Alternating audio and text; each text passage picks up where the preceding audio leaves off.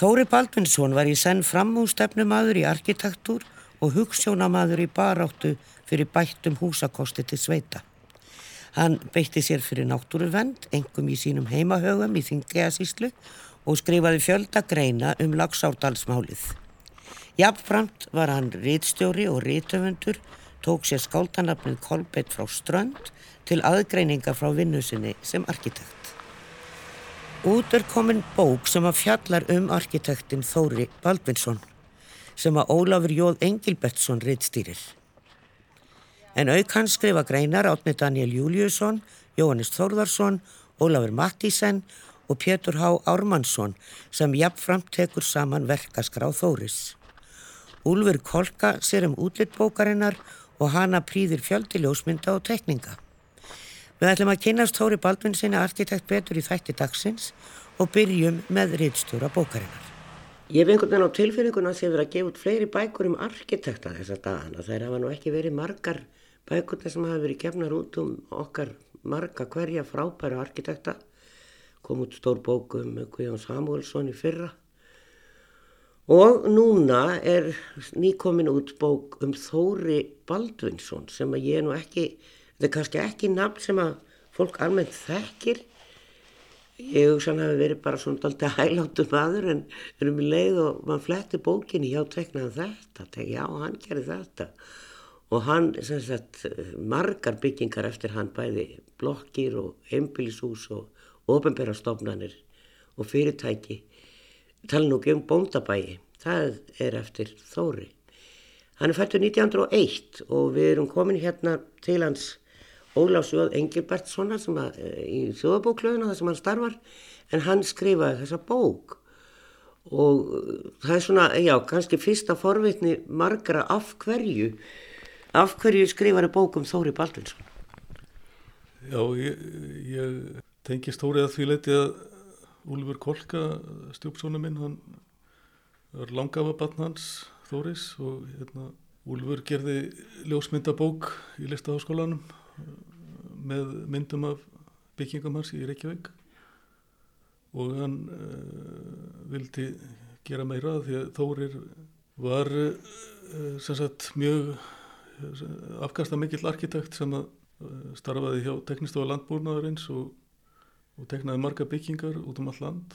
Og við fengum í saminningu framlag frá minningarsjóði Guðjón Samúlssonar 2011 og það, þá fór boltin að rúla og við fórum af stað og fengum uh, til liðs við okkur líka Petur H. Ármannsson og, og síðar komu inn í myndina að skrifa texta í bókina Jóhannes Þorðarsson og Ólafur Mattísen og átni Daniel Júliusson sem skrifaði um landbúnaðinn uh, í tengsla við verk og starf, starf Þóris en það er það stór partur og við höfum verið að þessum tíma að taka myndir af húsum um all land.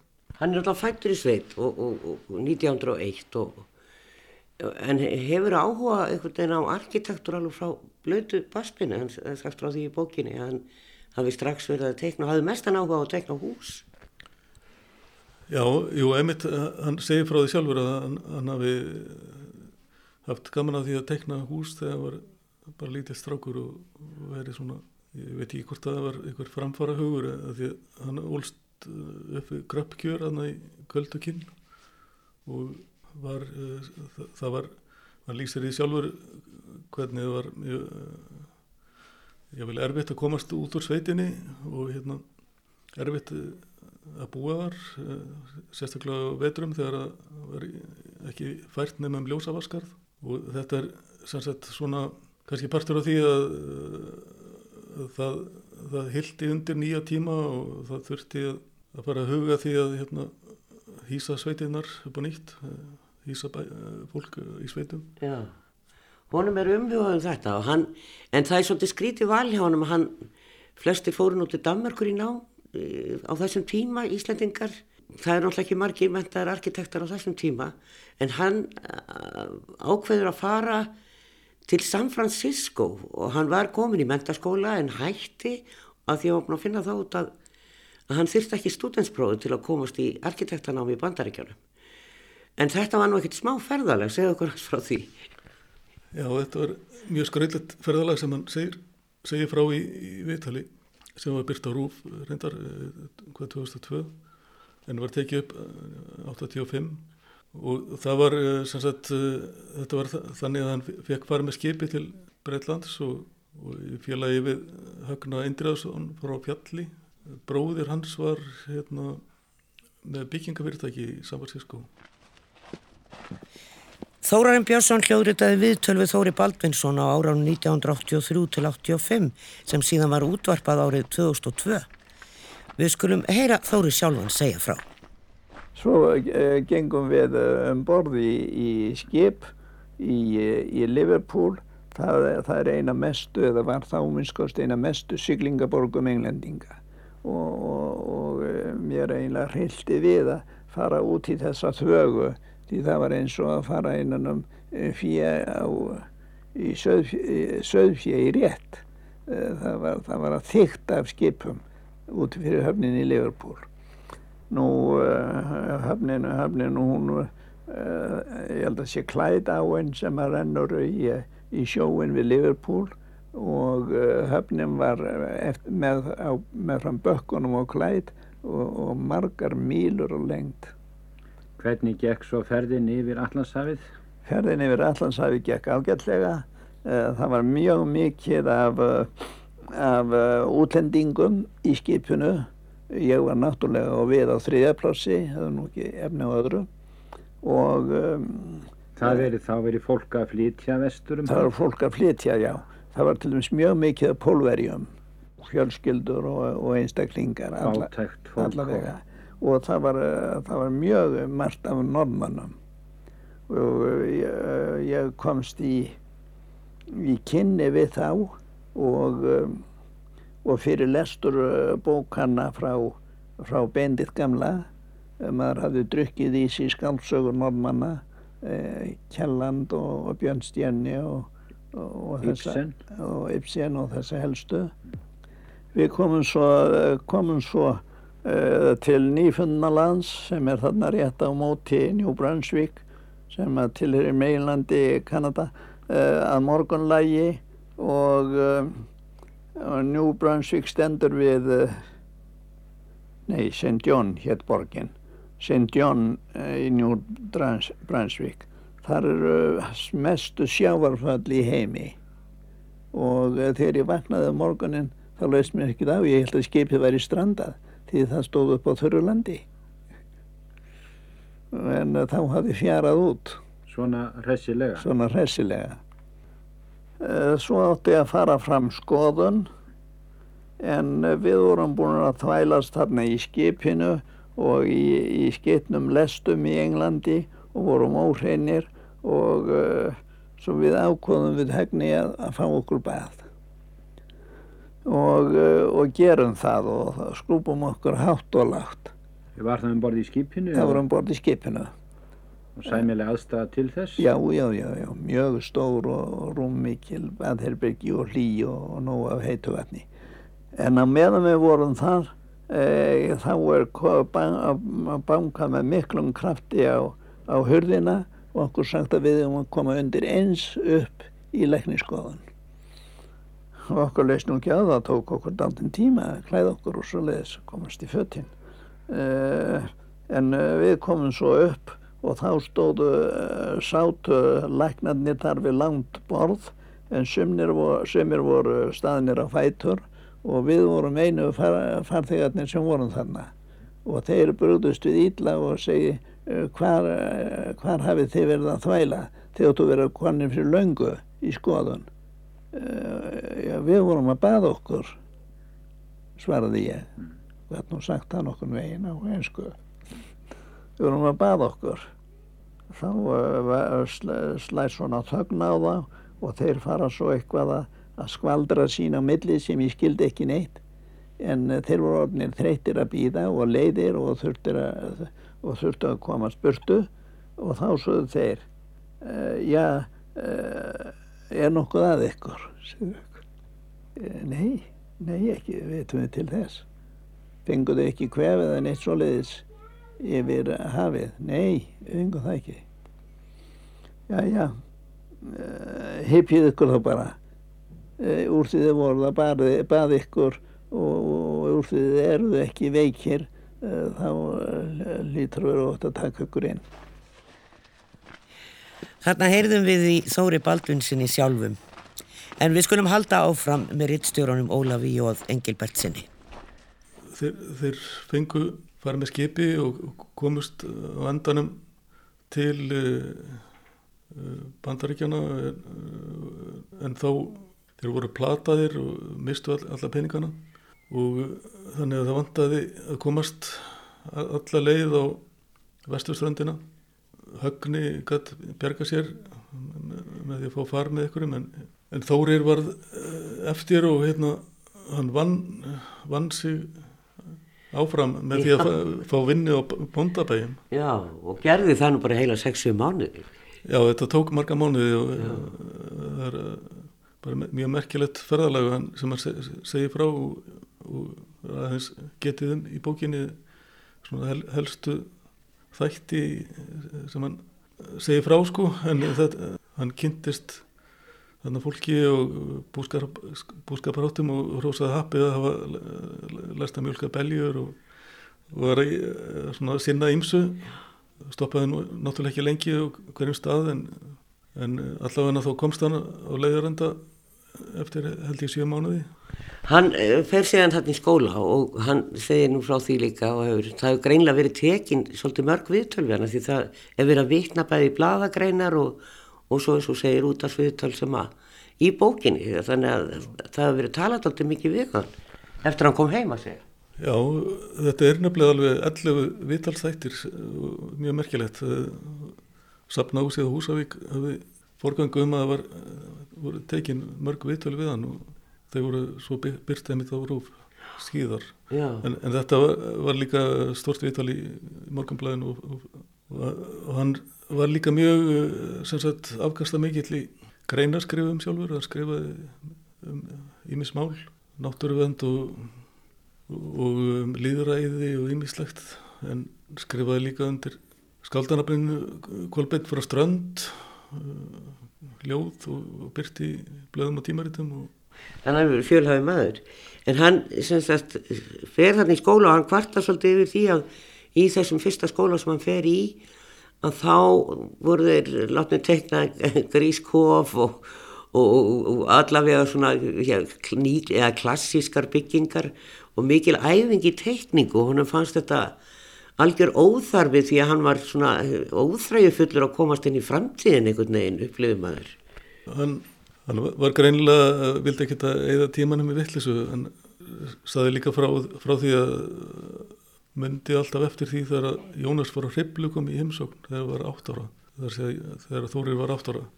Þá var Jónas nýkominn frá útlöndum og búin að taka inn samvenni hugsununa og ætlaði að breyða út bóskapin Þórir verist að tekið þetta til sín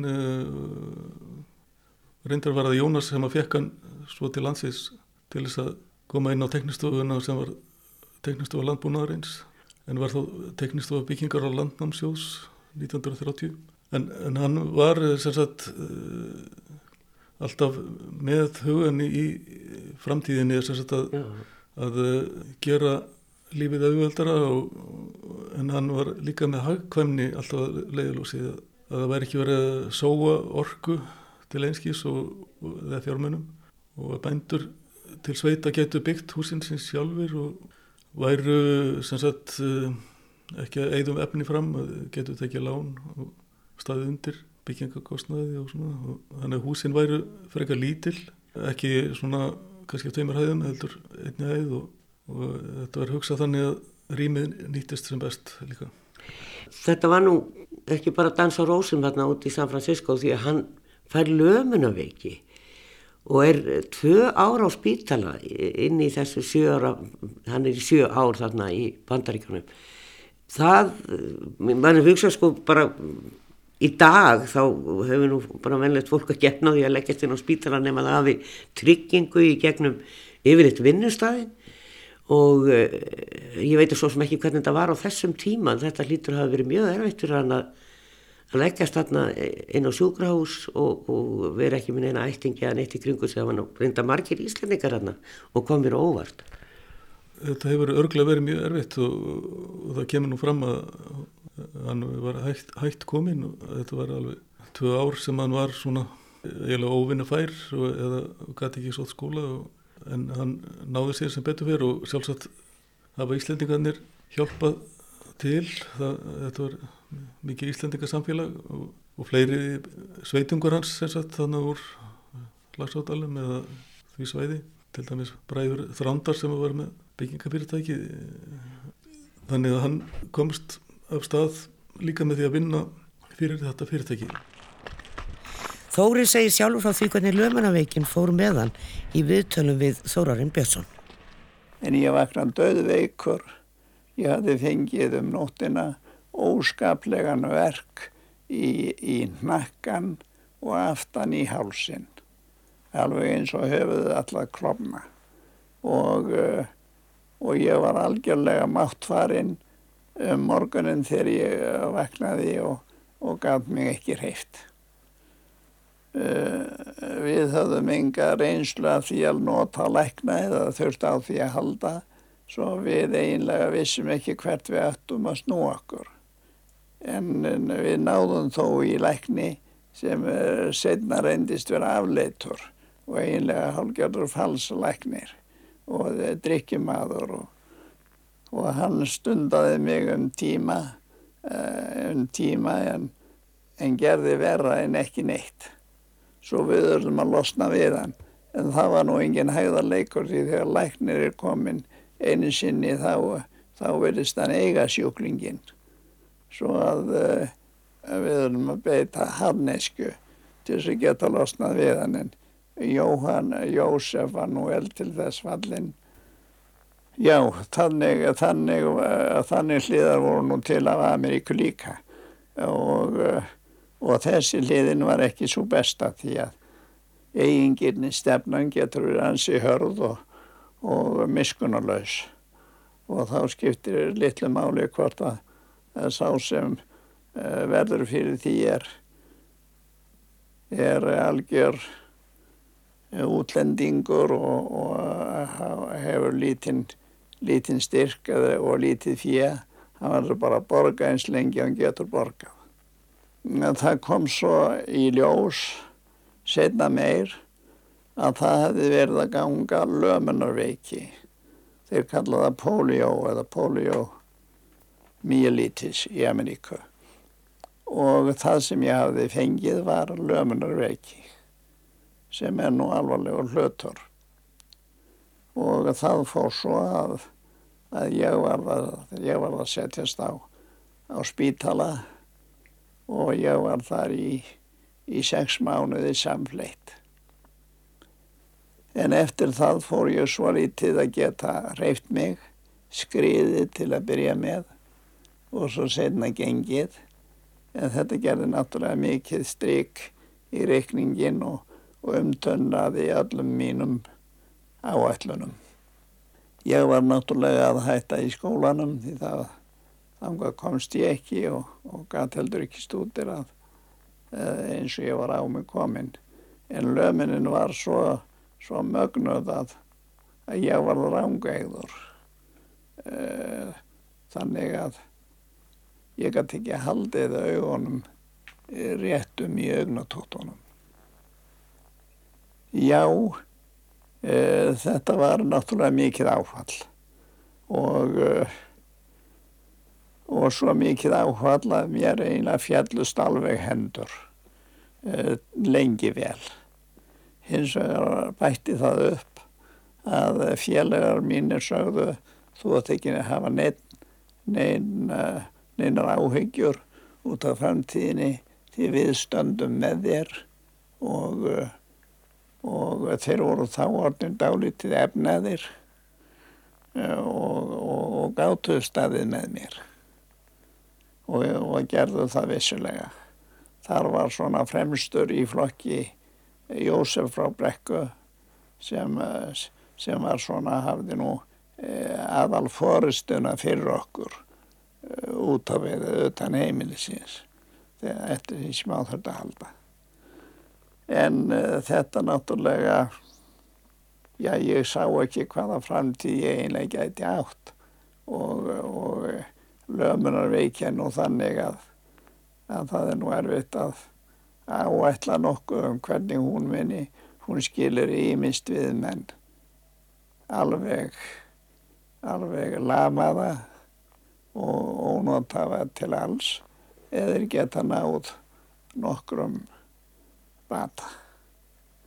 En ég var nú ekki svart sínt í eðli mínu og, og voninn eh, hangir nú lengi við mann eins lengi og manni finnst einhver möguleik.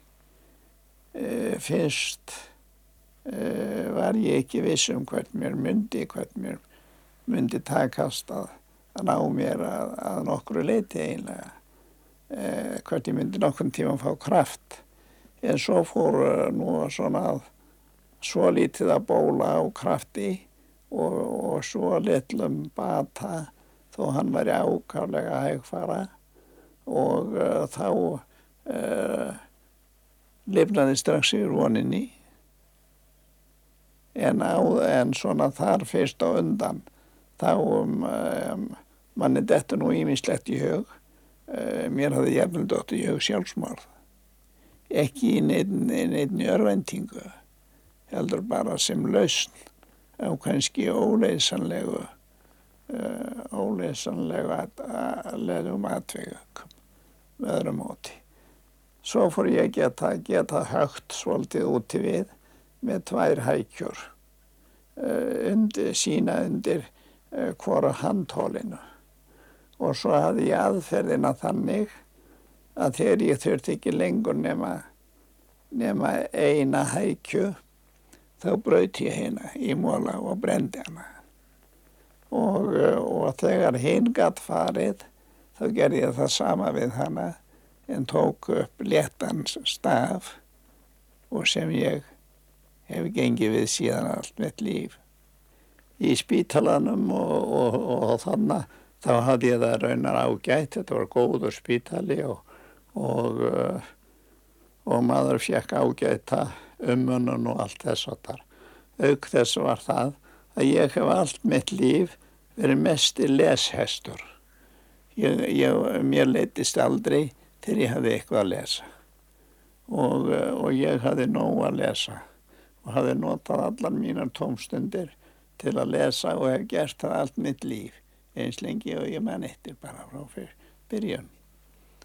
Og, og það er ég, mér finnst stundum að ég kenna í brjóstum þá sem ekki hafa komist upp á að lesa og þá minn ég að lesa að, að stað aldrei. Smátt og smátt var það svo tíminn sem, sem, sem læknaði mig þetta gekk ósköp hægt en það var samt í áttina og ég uh, gekk alltaf eins mikið og ég gætt og það var eiginlega eina lækninsráði sem dugði e, verulega. Það var bara ganga, ganga, ganga og, og ég man eftir því að minn læknins á nýji sem ég fekk, hann var alltaf að hvetja mig með þetta. Gengurðu? Já, já, ég geng. Já, þú þart að ganga, ganga, ganga. Og hann staglaðist á þessu eins og hann vildi berja það inn í mig. Saði Þóri Baldvinsson arkitekt og honum var greinlega ætlað að halda áfram lífinu sem hann og gerði og afkastaði miklu um æfina. Rittstjórin Ólafur Jóð Engilbertsson heldur áfram með sögu Þóris. Það var hans hjartans mála bæta húsakost bænda og reyndar allra, hann er mjög praktískur í sínum arkitektúru en samt Já. með mjög sterk höfndar ennkjani í rauninni. Gluggasetningar á húsunum hans eru mjög sérstakar og hann alltaf lítur til báhás og, og, og fungishúsana mm -hmm. en þessi, þau eru mjög sko, þessi hús sem hann er að tekna fyrir sveitu, sveitafólki eða bændur að það var ekkert endilega komið vasklúsett þannig að það var, það var ennþá kamarinn úti Já það er alveg rétt. Þetta var, var ennþá úti en hann var líka þetta var, var líka hjá Þóriði svona, hann var aldrei svona blanda saman þessu gamla og nýja, allan til að byrja með sko, með svona torpæjar svona element eins og hlaðna veggi eða svona hluta út í húsinn sambyggð í bóðrúsinu, einhverjum tilvikum. En þetta var svona begja bland sérstaklega þriðja eða fjórða átöknum minni eftir að hann kom heim og, og á því árabili 1930-40 þá, þá er, er byggt mjög mikið af steinstöftum íbúðrúsum til sveita en mörg er kannski með einogröð með reyðingi og, og, og mörg eru í þessum jável í funkisstíl sem að þótti svona framastefnulegt þá og var það. Þetta var sem sagt allur gangur á því það voru líka hús sem að voru svona eins og svona hálfkomin inn í nútíman eða svona, svona með, með rætur í fortíðinni torbænum Já, En uh, hann svona barðist fyrir því að bændur myndu hætta að byggja sér tveggja hæða hús með fjórum sefniherbyggjum og, og, og, og bara rauninni hafður ekkert að ráða því að byggja svona stór hús en þarna eru torbæðin svona aðal bústaður fólk í sveitum Já, þetta, þetta var náttúrulega þetta, þetta útlýtt Tórbæina líka með, með bustinni, það var líka eitthvað sem að Þórir var að berjast gegn og, og, og fekk í gegn þó að Jónas frá Hriblu hafi haft áhuga á því að koma því áfram en þetta, á þeim tíma þegar Þórir kemur þá er þetta eiginlega, það er tilröðinir svona fjara út Já. og í staðinn kemur þessi þetta valmaþak og svona einfaldari útfærsla á sveitabæjum sem að íbúðurúsum til sveitja. Og til að byrja með þá er, eru útífusinn sem sagt oft sambyggð íbúðurúsinu en hérna þegar fram í sækjar eftir, eftir setnastriða þá, þá fara að koma meiri tilraunir í allskynns hvernig útífusinn geta verið sem best fyrir gripina eða þá votisverkun til dæmis byggja törna votisturna beitir sér fyrir því að það eru hjarðfjós og og svona grindafjárhús þar sem er hægt að keira inn í húsin og móka úr þeim. Þannig að þetta var, var meiri starfsemi hjá teknistofunni í því að hérna nútíma væða sérstaklega út í húsin eftir setnastrið sérstaklega á sjötta áratögnum og þá hérna eru margir að vinna hjá teknistofunni sérstaklega í, í því að útfæra þetta Já. með þóri Nú hann kvænist þarna á, á, á leiðinni og konun hans Borghildur og þau eignast þrjú börn er það ekki rétt hjá mér? Jú, það er Hrafn, Bera og Svala og þau, já, Þórir byggði nú hús uh, fyrir þau hérna, laugamýra bletti sem að inn í vógum, inn, í vógum Já. sem að var svona var segja tilrauna hús fyrir þau að gera fjölskylduna svona tilrauna dýrum kannski? Hvern, hvernig svona hús virka? Já, já. Og þetta, þetta er nú hús er eiginlega horfið inn á milli svona blokka núna en það er þarna ennþá. Þetta endur enn og fjölskyldan byggði síðan hús á Fortnafi 25 sem er, svona, er mjög fallegt og sérstætt hús og þar byr hrafn. Þannig að fjölskyldan er í húsinu ennþá það, það ekki að margir þetta hús það er svona rústraugt getur við sagt og e, með gulum hlerum sem að, að hann var svolítið að reyna að koma því á að fólk setti hlera en það náði ekki vinsældum hér á Íslandi en hann gerir þetta við sitt hús. En þetta er fallet hús.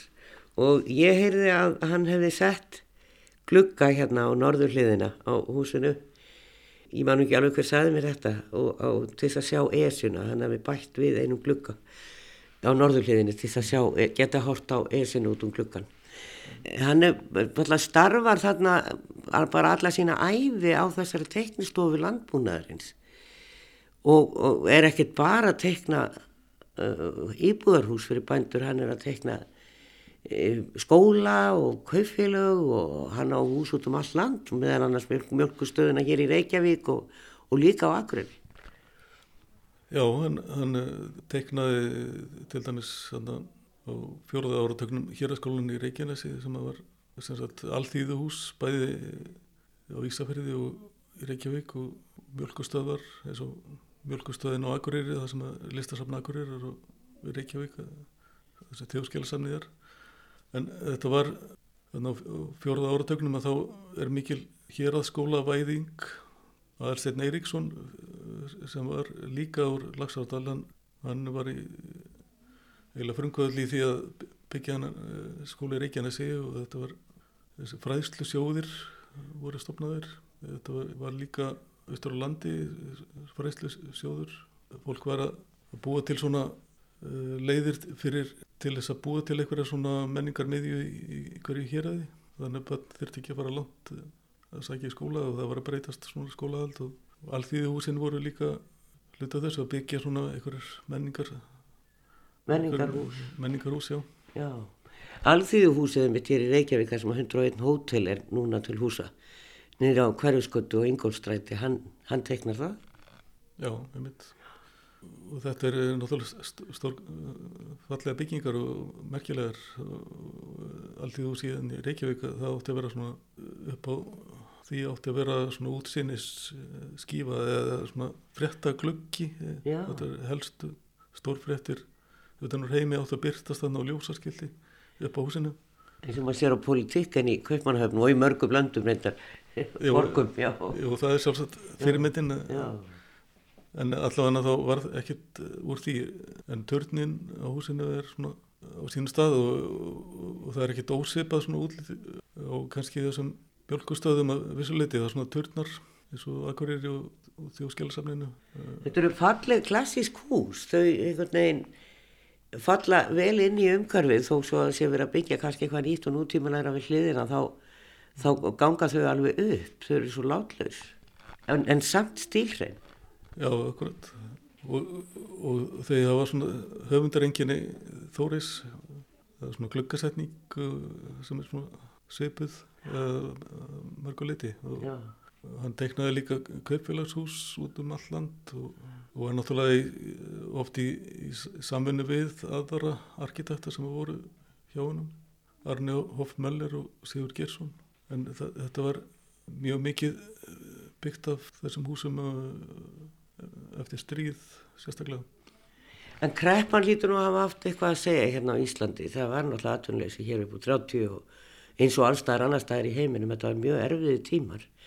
En hann er samt strax komin í vinnu hér og, og, og, og keiri þetta áfram, áfram þetta prógram ásamt Jónasi frá hriblu því að þeir verður vel til vina. Já, þetta var nefnilega svona líka kannski að því að þeirra, það voru fjöl, fjölskyldu tengslan á, á milli þeirra. Þórir og kona Jónasar Guðrún var, þeir voru sístra bönn ofta hittast og vera í nánu sam, samráði fjölskyldubóðum mögulega. En allavega þá, þá var uh, Þórir í miklu, miklu samskiptum við Jónas frá Hriblu alla æfi Já, alla síðan tíð. og það var sem sagt ekki síst kannski Jónas eða þakka Þórir uh, nöyt uh, þess að stýra teknistofinni og, og ná að tekna svona marga merka byggingar út um all land. En yeah.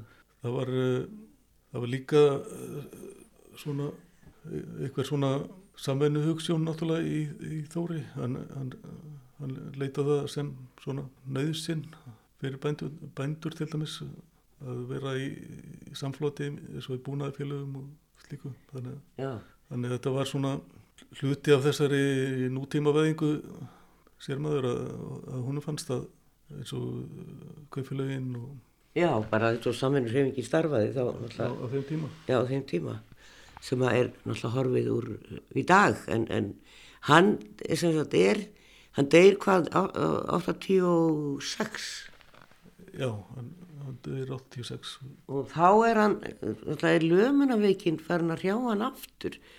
Veistu hvernig það lísti sér? Hann tók gengið við staf og hafði tvo. Já, hann, undir að síðasta gekk hann við tvo stafi að með skilst en, hérna, en þetta var uh, náttúrulega er, erfitt fyrir hann undir, undir að síðasta en hann var líka nöyt þess að eiga góða konu sem kerði hann yfirleitt Já, sótt hann í mat. Sótt, sótt hann í mat og jável. Já. Og, og, og þau fóru saman út á land og talaði bændur og, og Bera, dóttir sagði að þau hefði oft farið með bönnin og þetta hefði kannski verið eins og umba í kristi, kristnihaldinu stundum að þau fengu tertur og hverjum bæ. Já, það var aldrei brauð eða matur. Það var nallþórur boðnari og það var ekki að fólki að graska einhvern fisk eins og sagt það er. En eh, hann, sagt, hann gæti ekki keirt, þannig að hann, lömuraveikin hafði í rauninni áhrif á hann alla æfina.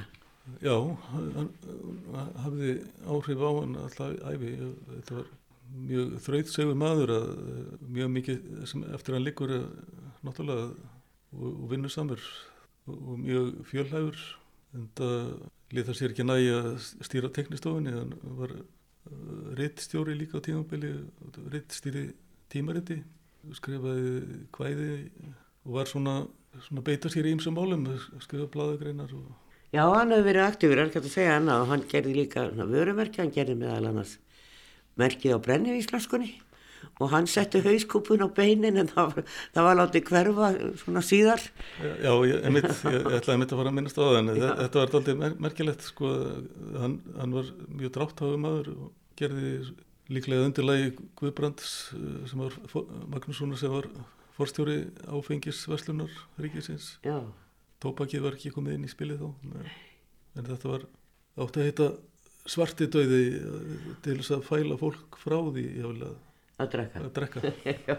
en nafni hefur enn hangið á brennivinnu svartudauði en merkið hauskúpan er orfin.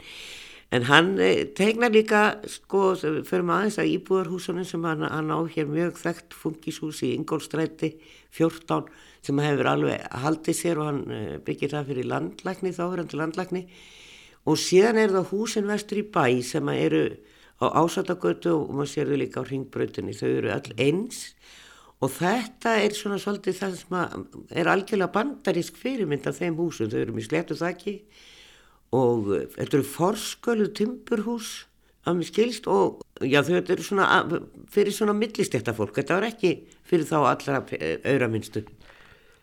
Já, já. Og þau eru öll eins. En þau eru ekki öll fórsköluð, sem eru steift og sem eru timburhús fórsköluð, þannig að þetta var svona kannski tilurinn að starfsemi líka.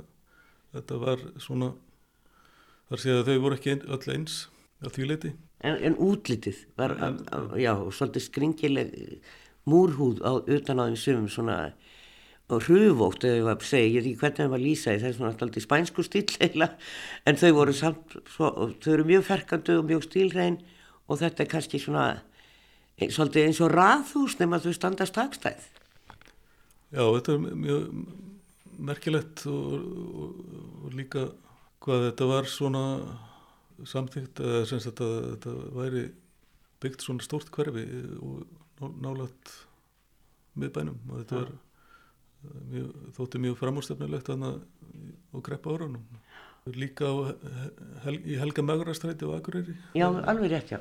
Þannig að á þessum tegum stöðum að rýsa svona fungishús húsa hverfi eiginlega sem að þórir hannar. Það er, ég, mynda mér að það hefur kannski verið svolítið auðvelt að skrifa þessa bóku um hann því að hann var svo duglegur að segja frá æfinni, bæðið þú segir skrifa bladagreinar, fara í viðtöl -huh. og segja frá sínum hugmyndum sem er þá til og er þetta að leita eftir. Já, það hjálpaði náttúrulega mikið að geta leitað í þessi viðtöl við hann, nærmaður rekar að kynast honum. Og hans svona hugðarefnum fyrir utan að, að skoða það sem hann teiknaði og, og lit byggja. Þannig að þetta var merkilegu maður og svona yfirgrips mikið efni til að taka fyrir í bók og, og ég rúmast ekkit nándarnæri allt fyrir í svona bók. Það kom mér verulega óvart hvað voru margar byggingar eftir hann hér á landi því að þetta er einhvern veginn ekki svona nafn sem maður hefur heyrt eins oft og Guðjón Samuelsson og Einar Ellensson og. Sigur Guðmundsson og, og, og Sigvaldur Tórdarsson og Skarpi en þetta er svona nöfn sem hefur meira verið nefnd þegar að vera að tala um arkitekta fyrir tíma en uh, hann hefur greinlega verið afkasta mikill líka og byggðið mörg fallu hús Já, þetta er bara einhverjum ástæðum hefur ekki verið fjallað mikið um Þóri en hérna það er allavega komið tími til að það sé gert. Að mínum mati. að búa bætur því. Þess ber að geta vegna vass salerna í sveitabæina þá var Þórir auðvitað hlýttur því að þau væru innandira. En margir bændur skild ekki alveg hvað að fyrirstilla að vera með náðhúsið innandira. Eins og fram hefur komið rita fleiri en Ólafur í bókina en Pétur Ármansson arkitekt á Dágóðagrein í bókinni, sömulegis Árni Daniel Júliusson sagfræðingur og svo Ólafur Mattísen og Jóhannes Þórðarsson arkitektar. Hér í lokin bregðum við okkur í miðbæin og skoðum eitt fallegasta og heiligasta funkishúsið eftir Þóri Baldvinsson og hittum Jóhannes Þórðarsson. Já eins og fram hefur komið þá var hann mjög afkastamikillan Þóri Baldvinsson arkitekt og það eru hús eftir hann út um allan bæ, stór og lítill og ekki bara það heldur út um all land eins og fram hefur komið. Við erum búin að koma okkur fyrir hér í Ingólstræti nr. 14 og uh, þetta er eiginlega beint á móti krónunni svo fólk uh, við Hallvæðastígi átti sig á hvað þetta hús er. Beggja vegna við húsið eru tvö svona ja, klassísk, steinsteipu klassík, sérstaklega hérna sunnamegin við húsið. Mjög flúrað og skreitt hús. En svo er þetta funkishús sem er náttúrulega bara afskaplega einfalt og stílreint. Það er grámálað, sökkullin aðeins dekkri og og gluggakarmar eru svartir. Flatt þakk og hotgluggar auðvitað á húsinu. Það er bara nánast skilirðið og allar að hanna funkishús. Jóhannes Tórðarsson, arkitekt hjá Glámu Kím, skrifar í bókina á samt Ólafi Mattísen um Þóri og Jóhannes er með mér hérna. Og við ætlum svona að ræða eins um þetta fallega hús, en þetta hlýtur að hafa stungið ansi vel í augur reykvikinga þegar þetta er byggt. Já, ég held að það hljóti nú að vera. Já. Eins og myndist réttilega að þá er hérna Steistipu Classic sikkur megin við húsið. Annars er, er, er við Meinar Ellensson hérna norðan megin við og, og Guðmund Hóllarsson sunnan megin við. Og svo kemur Þórir þar á milli með þetta hús frá 1934, teikningin sem sagt, Já, sem hann teiknaði fyrir Vilmund Jónsson landlækni og konu hans Kristinu Ólafsdóttur lækni. Og þau ráku sem sagt læknas, læknistofu hér á jarðhæðinni. Og uh, húsið er uh, þó það svona eins og þú bendir réttilega á að það standi svolítið standi svolítið út að þá er það uh, þá fellur það glettilega vel að gödumyndinni hvort sem maður horfir á hana uh, norðan frá sem sagt frá, frá bankastrætunni eða frá spítalastíknum sunnan frá. Það er einhvern veginn situr og það er, það er einn af, einn af galdrun í því er, er hvernig að, það, er, það fingra sig að aðlíkjandi húsum já. En eins og ég segi, þegar þessi hús voru að koma hér og þau eru náttúrulega mörg hérna og í bænum, en það er ekki öll sem hafa fengið að halda sér svona vel. Nei, þetta er alveg einstakt og þetta er í raun og veru bara stór merkilegt að það fengi vera alveg í friði og það er alveg eins og það var teiknað með örlitlum breytingu þó, það eru opnarlega fög sem eru ekki alveg eins og á teikningu. Ég veit svo sem ekki skýringunum því að virðist vera búið að vera svona meira og minna frá upphafi Já, og eh, bara fengi að vera í friði já. og sem er bara mjög, mjög gott að vita af. Eh, Hann var náttúrulega, eh, komið svo óvart hversu afkastamikill arkitekt hann var og hvað eru margar byggingar eftir hann standandi í, bæði hér í höfuborginu og, og víða um landið. Já, það er alveg, alveg rosalegt magna byggingum eftir hann og út um allt eins og Já, segir og já. hann náttúrulega starfaði lengst af hjá Tegnstofu landbúnaðarins og afkastaði miklu, hann afkastaði líka miklu prívat bæði í fjölbýlishúsum og, og einbýlishúsum og, og ekki, svo náttúrulega var hann með fleiri viðfánsefni, hann var rithöfundur Já. og skrifaði og, og var mjög virkur í orðræðinu um umhverfismál og umhverfið, bara mann gert umhverfi á allan hátt og á þann hátt má segja að, að hann Þórir hafi verið svona einhvers konar renessans maður. Eh, eh, Náður þú að hitta hann einhvern tíma? Já, já, ég Já. hitt hann af vísu, ekki, sko ég vildi þann til að ég er alveg upp á fornáðunum og þekkti þá vel til þeirra hjóna og svo hitti ég Borghildi margóft, fór þangað og skráði teikningasamni sem var þar heima hjá þeim. Sem að, hérna, ég kynntist þeim ágætlega þar að segja Borghildi meira en Þóri. Ég kynntist Þóri meira í tengslum við bara arkitektafélagið. Það er, eh, sko, við ættum kannski að reyna að rölda hérna hringin og sjá húsið hinum meginn frá. Já, já, við skulum endilega gera það. Já, það er eh, hérna En eh, í þessari götu Ingolstræti er, en hann á náttúrulega endahúsið þínu meginu við hverju skötu. Jú, jú. Alþýðus, já, alþýðuhúsið svo hérna það var byggt. Já, já. Og, en annars er svona stein, steipuklassík og, og bárjáshús, svætserhús og hérna í þessari götu. Þannig að það stingur, ja, það er bara mjög ólíkt allum hinnum húsunum. En, en samt gríða fallegt og alveg rétt, það einhvern veginn trubla mann ekkert í götumyndinni. Það er bara alls ekki, sko. Nei. Það frekar, frekar að bæta hana. Já, þetta er yndisleg færð sem við erum í.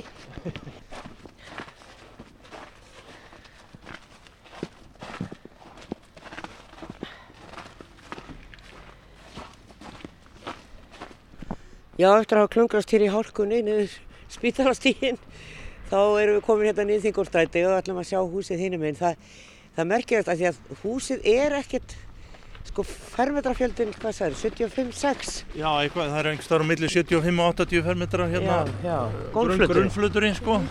Auk, auk, hérna, auk, sko, svo bætist bílskurinn við og lóðin er nú ekki nefnum einhverjir, ef ég maður 280 fermetrar. En uh, hérna, það er reysulegt hérna hérna frá. Og það eru náttúrulega lítil og fingjar timburhúsin hérna, hérna vestan við eða norðan við. Já, og uh, það, það er hérna, en það er, það sést vel hérna, við sjáum vel hérna hotgluggana sko, þessar fungisglugga og Já. úr þeim er náttúrulega fallit útsinni hérna yfir borgina, yfir vesturbæinn og tjörnina. Og það sem er svo áhugavert er sko að hérna þessi formfesta sem að er í arkitektúrnum að hún er, hún endur speglast mjög stert í grunnmyndum húsins og, og Þóri var mjög flinkur í því að gera plön mjög nýtanleg og allt ferðalag um hús og í húsinu var, var mikið hugsað og pælt á honum með tilliti til dagspyrtu og sólaljós og útsýnis. Já, og finnst þetta mjög gott dæmi um það hjá, frá Þóri og hann teiknar þetta hús nánast á sama tíma og hann er að teikna byggingasamvinnufélagshúsin á, á Jóhannstúni hérna vestu við Sólvallagötu já, já, einmitt, sem eitthvað stundu kallað Eisteinshús. Já, akkurat, Já. Eysteinn Jónsson Já, akkurat. En e, það virkar eins og sé stærra hérna megin, að það er kannski að því við erum neðar í brekkunni. Já, það er öllítið halli hérna, Já, já. landhalli Já, og þar, þar að leiðandi virkar það mun reysulegra og, svo, og, stær, og hærra en uh, það er svona gaman að sjá það líka sko, í- frá þessu sjónarnum til þess hvað, hvað situr fallega í götunni hinnum einn sko. og skalinn á því er ekkit svona, hann er ekkit æpand á móti þessum fingeru timbrúsum hérna sem við höfum hérna við Þingólstrætið. Það er e, Vilmundur og, og, kona hans, þau byggja þetta hús og búa þarna, þetta er einbýlishús og það er enn í eigu fjölskyldunar. Já, það er að segja tengdadóttir þeirra, Já. uh, hún býr þarna í húsinu en þá. Já. Þau he- hérna hafa haldið heimili í húsinu og, og það, er, það er bara, bara vel við haldið og ekki þetta hvart undan einu þar. Og sjálfsagt vel byggt í grunninn líka og ég, ég hef ekki, ég veit ekki betur en að það, það sé í fínu standi inn, að innan, ég hef ekki komið inn í það ennþá.